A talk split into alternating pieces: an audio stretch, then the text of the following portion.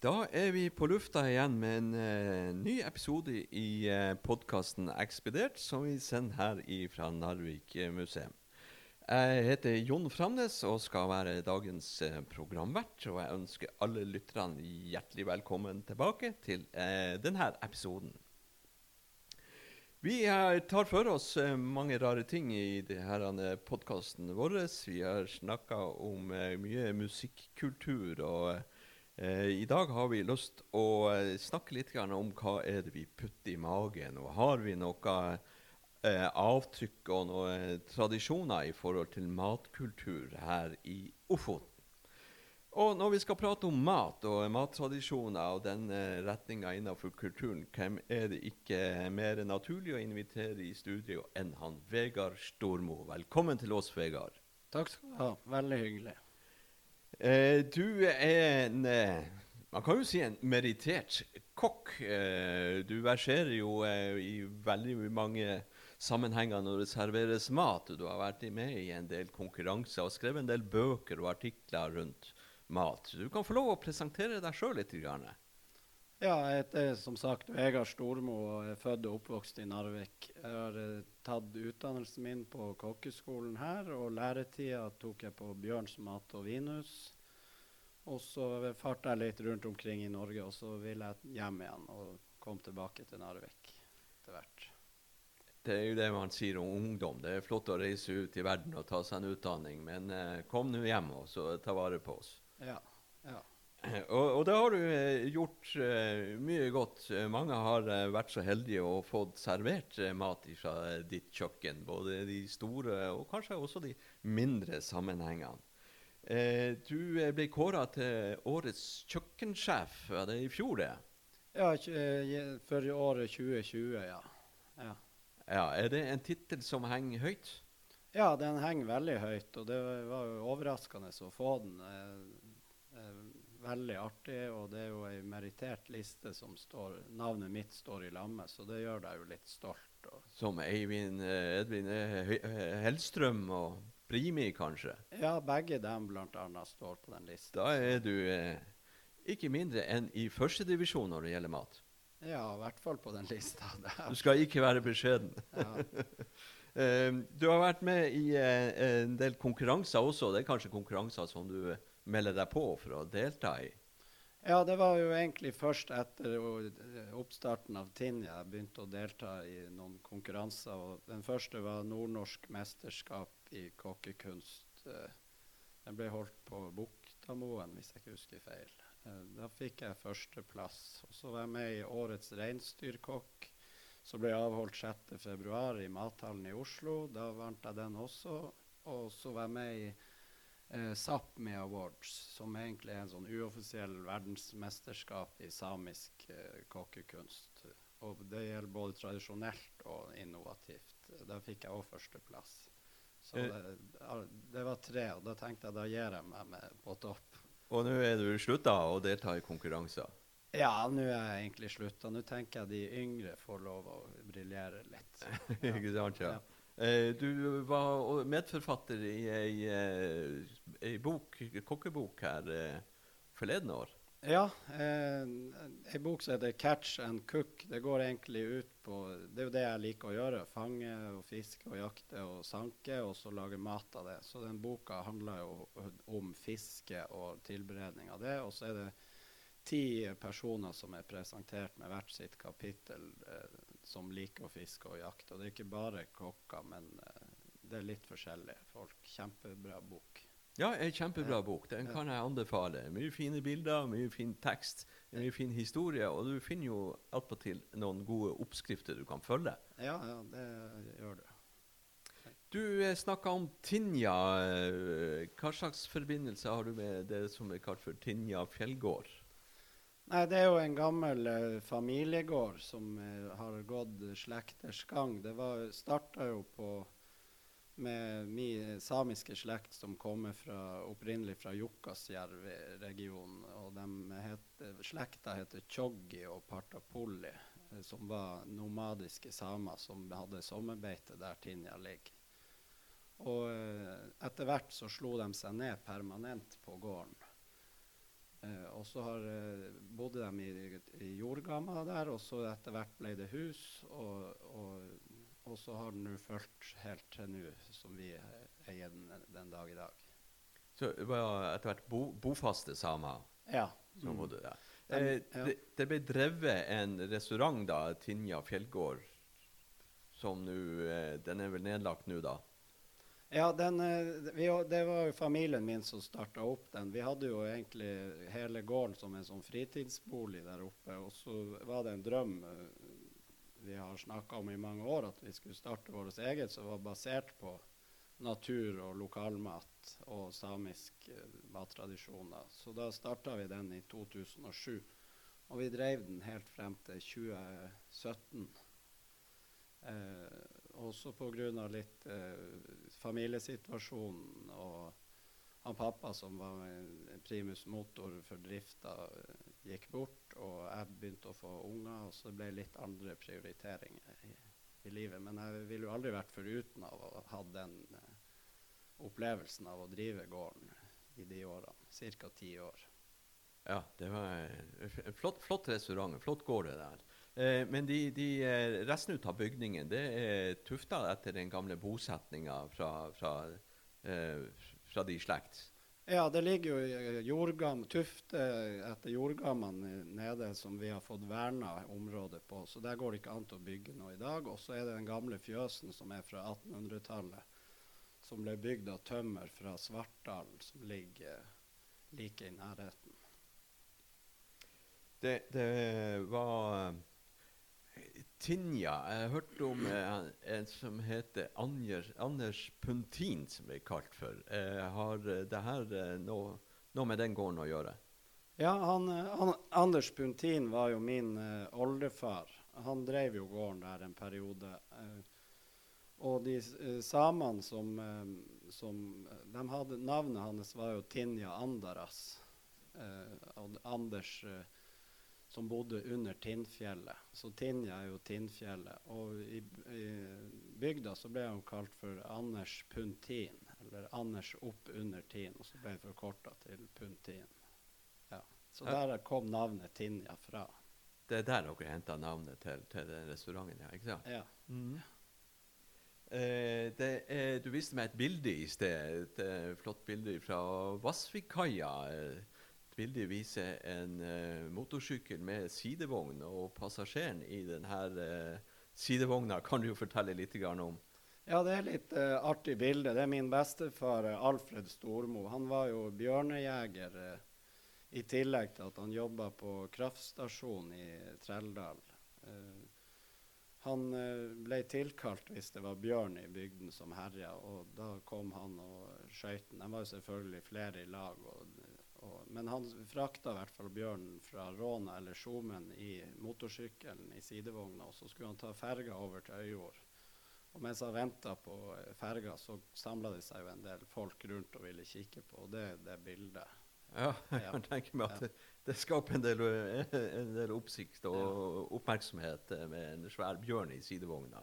Så Ja, er jo, det står jo masse folk rundt omkring og be, betrakter det her skuet. Ja, og det som er interessant, det var jo, eh, som jeg sa, han jobba på eh, E-verket, eh, kraftstasjonen i Treldal, det var vel på 50-tallet. Og han måtte jo han, han var damvokter, da var det jo ikke noe digitalisering, så han måtte jo gå opp til alle vannene og notere ned målestanden. Og på mange av de turene så hadde han jo våpen med seg, eller sikkert alle. Og hvis han kom over en jerv eller en ulv eller noe sånt, så, fikk Det var jo skuddpremie på den tida. Og eh, for en jerv da på, fikk han 1500 kroner, og det tilsvarte ei månedslønn. Så det var jo veldig god in biinntekt.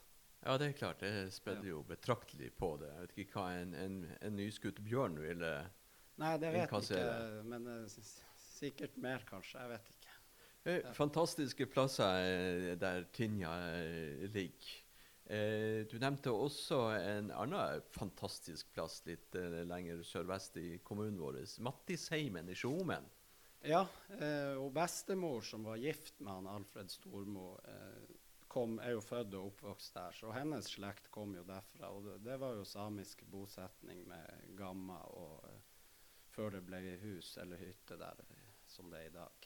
Ja, for de eh, flyttsamene som kom i, til området her, de eh, ble etter hvert bofaste. Det ble vel en, en boplikt at folk måtte bygge hus og ikke bo i gammel lenger. Ja, folk skulle jo ikke bo i gammel, og det var jo nytt for dem. For de var jo vant til å, hvordan ting skulle være, og, i, både med varme og kulde i gammel. Så ja, det var sikkert en utfordring for dem. Og så er det òg litt interessant at de, mange av de samiske bosetningene ligger jo ofte mellom fjord og fjell, sånn som i Mattisheim. At det er kort vei til havet og kort vei til, til fjellet. Og det samme er jo for så vidt Tinja også oppe i fjellet. Ja, at man kan høste både ut av hav og eh, skogen, og Ja. det fjellet kan eh, bringe på matbordet. Ja. Vi eh, prater jo om mat, da. Eh, Ofoten eh, har, eh, har Har vi bl.a. Andreas Markusson, som eh, beskriver Ofoten eh, som eh, sild, austavind og trollskap. Eh, silda var ja, har gått i perioder her i Ofoten eh, eh, med store forekomster ut av sild og et stort og rikt fiske av sild. Det er noen år siden jeg har vært her, men, eh, men i de bøkene han har skrevet, så trakk han jo eh, Ofotfjorden som en eh, næringsrik fjord. Folk som levde ut av jordbruk, fiske, reindrift, de hadde godt med proteiner på matbordet. Så eh, i de mat... Kan man snakke om mattradisjoner i Ofoten, om det er noe typisk for, eh, for vår eh, region her. Eh, kan du si noe om det? Både kjøttsida og fiskesida? Ja, det er jo, jeg har forska litt på det i forhold til vinterfestuka og hva de spiste eh, på anleggene. Og, og det, det er jo ganske tydelig at, eh, at kjøtt jo, var jo mer luksus eh, og festmat enn fisk. Så det jeg har fått inntrykk av, at det var jo at det gikk jo mye i sild og potet. Og det er klart, De sesongene og årene det er eh, vårgytende sild i fjorden, så er det jo ekstra mye. Men det er jo fjordsild konstant, så du kan jo få det året rundt med, med rett redskap. Og det, du får jo ofte, det er jo stimfisk, så du får jo mye. Eh, Ja. Så, eh, lager du noen silderetter sånn, eh, f.eks. rundt eh, juletradisjonene og matlaginga der? Ja, jeg lager hvert år eh, sild. Jeg har egen oppskrift eh, som jeg har fått eh, Eller delvis fått og så gjort litt ekstra ut av. Så jeg lager sild hvert år og gir til venner og familie i gave. Jeg skal se om jeg greier å få lurt fra deg den uh, sildeoppskrifta Ja, når vi går ut av eteren her. Eh, om det går an. Um, du sier at kjøttet kjøtt er mer eh, festmat, og at uh, fisken fra havet eh, var kanskje det folk livnærte seg på. Eh, det ble drevet en del eh, ja, fiske, en del jordbruk, en del husdyrhold rundt omkring på gårdene i, eh, i eh, Herjangen og i, rundt omkring i hele Ofoten. da. Så kommer vi til anleggstida. Da tenker jeg på anleggstida når vi bygde jernbane. Og det ble etablert en liten by inn i Rombaksbotn. Eh, Ja. Vet vi noe om eh, kan vi si, kostholdet til de som jobber der, både nede i byene og opp gjennom anlegget? Nei, jeg tror det faktisk det gikk mye fisk og potet. Og så hadde de selvfølgelig Det er jo, det er jo mange som, som jobber der, så de måtte jo ha en god tilgang på, på mat. Eh, at de hadde kjøtt, det hadde de ikke, definitivt. Men jeg tror ikke de åt saltkjøtt eh, hver uke, for å si det sånn. Det er nå under vinterfestuka at vi har råd til å spise saltkjøtt og stappe. Ja, ja. Jeg tror ikke de eh, hadde det hver søndag, men uh, av og til sa de sikkert det. Ja. Det var jo ikke vanlig å ha, um, ha så mange dyr på de gårdene på den tida. De hadde jo Sånn som på Tinja, der tror jeg de hadde to kuer og et, noen par geiter og en hest. Og det var, hvis du slakta den, så mista du jo en del melk og andre Ikke sant? ja, så Ja. det var jo liksom nødslakt eller til fest. Uh, Ja. Du, du snakka i sted litt grann, uh, at du har vært med i en uh, konkurranse med, med, rundt matlaging på, på rein. ja. Er det sånn at uh, samiske mattradisjoner det går ut på å koke alt på rein? Ja, hovedsakelig gjør det det. Kokt kjøtt. Ja. Mm. Men eh, det går jo på eh, de gamle konserveringsmåtene som, eh, for å ha kjøttet til å vare lengst mulig. Og salting og røyking og tørking. Men under slakta så er det kokt kjøtt. Eller kokt ferskt kjøtt. Ja. Ja. Og da bruker du innmat og tunge og blod og alt egentlig i samme gryta. Vi har vel kanskje mista litt ut av de, både kunnskapene, holdninger og bruke alt på alle kan vi si, ut av, ut av råvaren, som f.eks. et dyr. Ja, det er jo eh, Det er jo blitt veldig populært igjen med bærekraft og det å bruke hele dyret.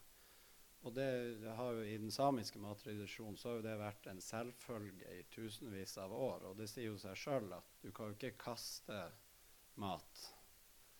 Eh, Du må jo spise opp alt. Og det gikk jo både på økonomi og, og, eh, og respekten for det dyret du har tatt livet av. Og samene har jo vært eks ekstremt flinke til det. De har jo, Hver eneste del av reinen er jo beskrevet hva du kan bruke den til. Og annet skinnet på panna brukte de jo som eh, felle under skoene. Sånn at når du går på tå, så går håret én vei, og når du går på hælene, så går håret en annen vei. Så de har navn på alle delene av dyret og hva de kan brukes til. Ja, og alt ble brukt. Alt blir brukt. Enten i kostholdet eh, og til eh, redskaper, klær, eh, pyntegjenstander. Ja, alt. Knapper og smykker og håndredskaper. Ja. Sånn, eh, det er jo sjelden at man, eh, eller vil jeg vel si aldri at man får være med på slakting. Eh, som blodmat og mat ut av innvoller. Brukes det enda mye i dag? ja, det brukes mye, og det blir jo mer og mer eh, populært igjen. eh, og som han, eh, en god venn av meg, Martin Jønsson, som også har samisk eh, mat som spesialitet, han sier at eh, eh, filet og biff er for turister, mens lever og hjerte og blod er for konger og presidenter. Og det, der må jeg si meg enig med han. Fantastisk godt sagt. det. Ja. Vi bruker eh, begreper som eh, kortreist og kommer ureist mat. Hvor eh, ureist klarer vi å tilberede mat som serveres på en hotellrestaurant der du jobber nå? Nei, det er jo veldig fint. Jeg har jo opparbeida meg mange sankere i min, min krets som tar kontakt, eller jeg tar kontakt hver høst, som kommer og leverer kantareller. Eh, Anna skogsopp og bær hovedsakelig. Og så får jeg jo en del eh, rype og småvilt som jeg også kan si er, ureist. Selvfølgelig fisk også, men eh, det er jo noen regelverk på eh, hvitfisk som i teorien gjør at det ikke jeg kan selge det på restauranten. Det må gå via et mottak, men jeg skal jo innrømme at det er ikke alltid det den har gått via mottaket. Men Og hvordan reagerer gjester på det her? Nei, de, eh, Gjestene i dag er jo veldig opptatt av, eh, av historien til maten. Og det er jo viktig å fortelle den også hvis du serverer det. For at hvis ikke, så vet de jo ikke om det. Så det er jo en del av opplevelsen å få fortalt hvor og hvem og når, og gjerne hvordan været var den dagen. Og, ja. Er- Folk er interessert i å vite mest mulig Ja, ja. om det man spiser. Ja. Jeg jobber med et prosjekt nå på- i, i forhold til å presentere retter på en ny måte og vise videoklipp eh, av f.eks. at du får kveita oppi i båten, og så får du den på tallerkenen etterpå. eh, For å gjøre det litt mer eh, visualisere selve middagen. Men jeg er ikke Ja. kommet i gang enda. Det er vel ikke alle gjestene på en restaurant som får eh, være med på den opplevelsen å fiske sin egen mat Nei. uh, fra, fra havet og på tallerken. Nei da, det er jo ikke det. Og, og hvis jeg klarer å vise litt av det på film, så får man kanskje en følelse sant. av å Ja, det er jo en, eh, det er jo en betraktning, det her, men det er jo en, en luksustilværelse vi lever i, som kan eh, både ut og jakte og fiske og sanke og eh, tilberede det vi eh, får tak i til vårt eget matbord. Det er en, en verdi som vi skal ta godt vare på. Ja, og så er det jo viktig at vi, man høster som man sår, og lar det være nok til neste generasjon. At vi klarer å ha det i fremtida også. Det når vi er inne eller La oss si reinkjøtt, eh, alle delene på en rein eh, Reintunge kan være en delikatesse. Ja. Hvordan eh, tilbereder man reintunge? Nei, eh, den kreves jo litt koketid, eh, selvfølgelig. Det skal jo kokes. Men Det skal eh, kokes, ja. det tradisjonelt så koker man tunga i et par timer for å få den mør, og så serverer du den. Men jeg har jo begynt å lage masse andre retter av den. Både med sånn konfitering, dvs. Si koke den i, i fett på lav temperatur lenge med litt urter. Du kan, jeg har laga til unger jeg laget reintunge nuggets for å få dem til å spise det, eh, med dipp til, og det var jo fantastisk tilbakemelding. Og så er det jo litt artig historie om tunga. Det, du skal jo skjære bort spissen på tunga. Den skal du jo aldri spise. Eh, Det er gammel samisk myte som sier at hvis du gjør det, så blir du en som far med løgner. Og eh, det er jo en artig historie som jeg bruker hver gang jeg serverer den. Og gjestene setter veldig pris på å høre, på det, høre om det. Jeg har kjørt noen blindtester på folk som har eh, fått i seg eh, tuppen parintunge? Ja, de lyver og lyver. De lyver så det koser ut. Ja, ja. Ja, ja, ja. ja. Eh, mye, mye Vi har jo om man skal si, fire hovedsesonger. da. Fra vinter, vår, sommer og høst. Er det noen eh, deler på året du foretrekker eh, å servere mat på? Ja, nå er jeg veldig inspirert av det samiske årshjulet som heter De åtte årstider. Mhm. eh, og så har jeg liksom leka med tanken om å kanskje lage ei kokebok som heter De åtte årstider. Og så må man liksom prøve å finne hva som tilhører hver årstid. Og, og det er jo klart at på høsten så er det jo fersk kjøtt og slakt og friske bær og sopp. Og så er det jo våren da det nye springer ut nye urter og vekster og, og sånne ting. Og det, alt utenom det er jo mat som er konservert. Utenom selvfølgelig fisken da i, i fjorden og fjellet. Ja, for her i Nord-Norge bruker vi mye konservert mat. Ja, ja. Og det er jo det som inspirerer at du kan jo lage røyke, røyke og salte og sylte og fermentere og, og koke eh, for å ha, det til fremtidig bruk. Og til og med mange av de, de største Michelin-restaurantene som satser på nordisk mat, de presenterer jo menyen med bær fra i fjor og, osv. så videre. Ja, ja. Og, og du sier du nevnte i sted at du har eh, undervisning med unger eh, der du eh, lager litt mer moderne versjoner ut av eh, tradisjonell mat. Ja. eh, Jeg har kjørt masse matkurs både for barnehageunger og barneskole og ungdomsskole og videregående osv.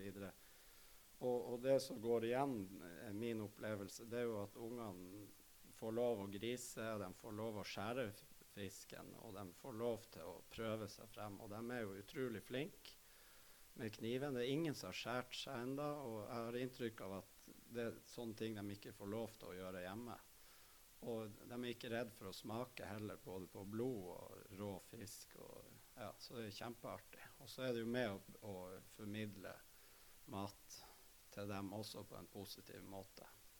Ja, for kokt kjøtt er ikke bare kokt kjøtt. Det kan uh, lages i uh, nye varianter. Ja, det er jo eh, Jeg bruker jo uh, Når jeg kjører utematkurs, så har vi jo jordsteiking bl.a. i kokegrop. Mhm. De får være med å grave ned kjøttet, de får være med å grave det opp. Og vi saltbaker og steiker på helle og brukt blod. Og det, alt går ned på høykant. Og det er ikke sånn at du må uh, legge alt på en pizzaleiv eller i en wrap for å uh, holde oppe moderniteten. Nei, det er faktisk ikke. Det er ikke det. Eh, Blodpannekaker, det, det syns de er kjempeartig. Og det, Det går ned på høykant. det smaker godt. Silgrynssuppe, har du prøvd deg på det? Jeg har ikke prøvd meg på den, men jeg har lest oppskrifta. Ok, da holder jeg med det. Ja. Eh, En av mine skrekkens matopplevelser fra min barndom, den silgrynssuppa. Så var det et par sildebiter som fløyt i lunka vann i lag med noen gulrot og potetbiter. Ja, ja. Nei da, men det, jeg lager jo en del retter som er inspirert av de, de gamle tradisjonsrettene, for å få dem moderne og velsmakende. Og, Ja, det går an, det. ja. ja. Ja, så eh, eh, kan du si, matkultur, mattradisjoner, de kan fornyes og forbedres og utvikles. Ja, ja, absolutt. Det er kjempeinteressant å høre det her, han, eh, Vegard Stormo. Eh, veldig hyggelig å ha deg i studio. Eh, jeg ville heller ha deg på kjøkkenet. Så eh, neste gjensyn så håper jeg at vi treffes på et kjøkken, enten et utekjøkken rundt et bål, eller eh, kanskje på eh, et hotell. Ja, det håper jeg også. Det er hyggelig å treffe deg som vanlig. Jeg sier tusen takk til deg eh, for at du var innom studioet vårt, Vegard Stormo. Og jeg takker alle dere lyttere for at dere vil høre på denne episoden ekspedert. Jeg heter Jon Framnes, og på gjenhør.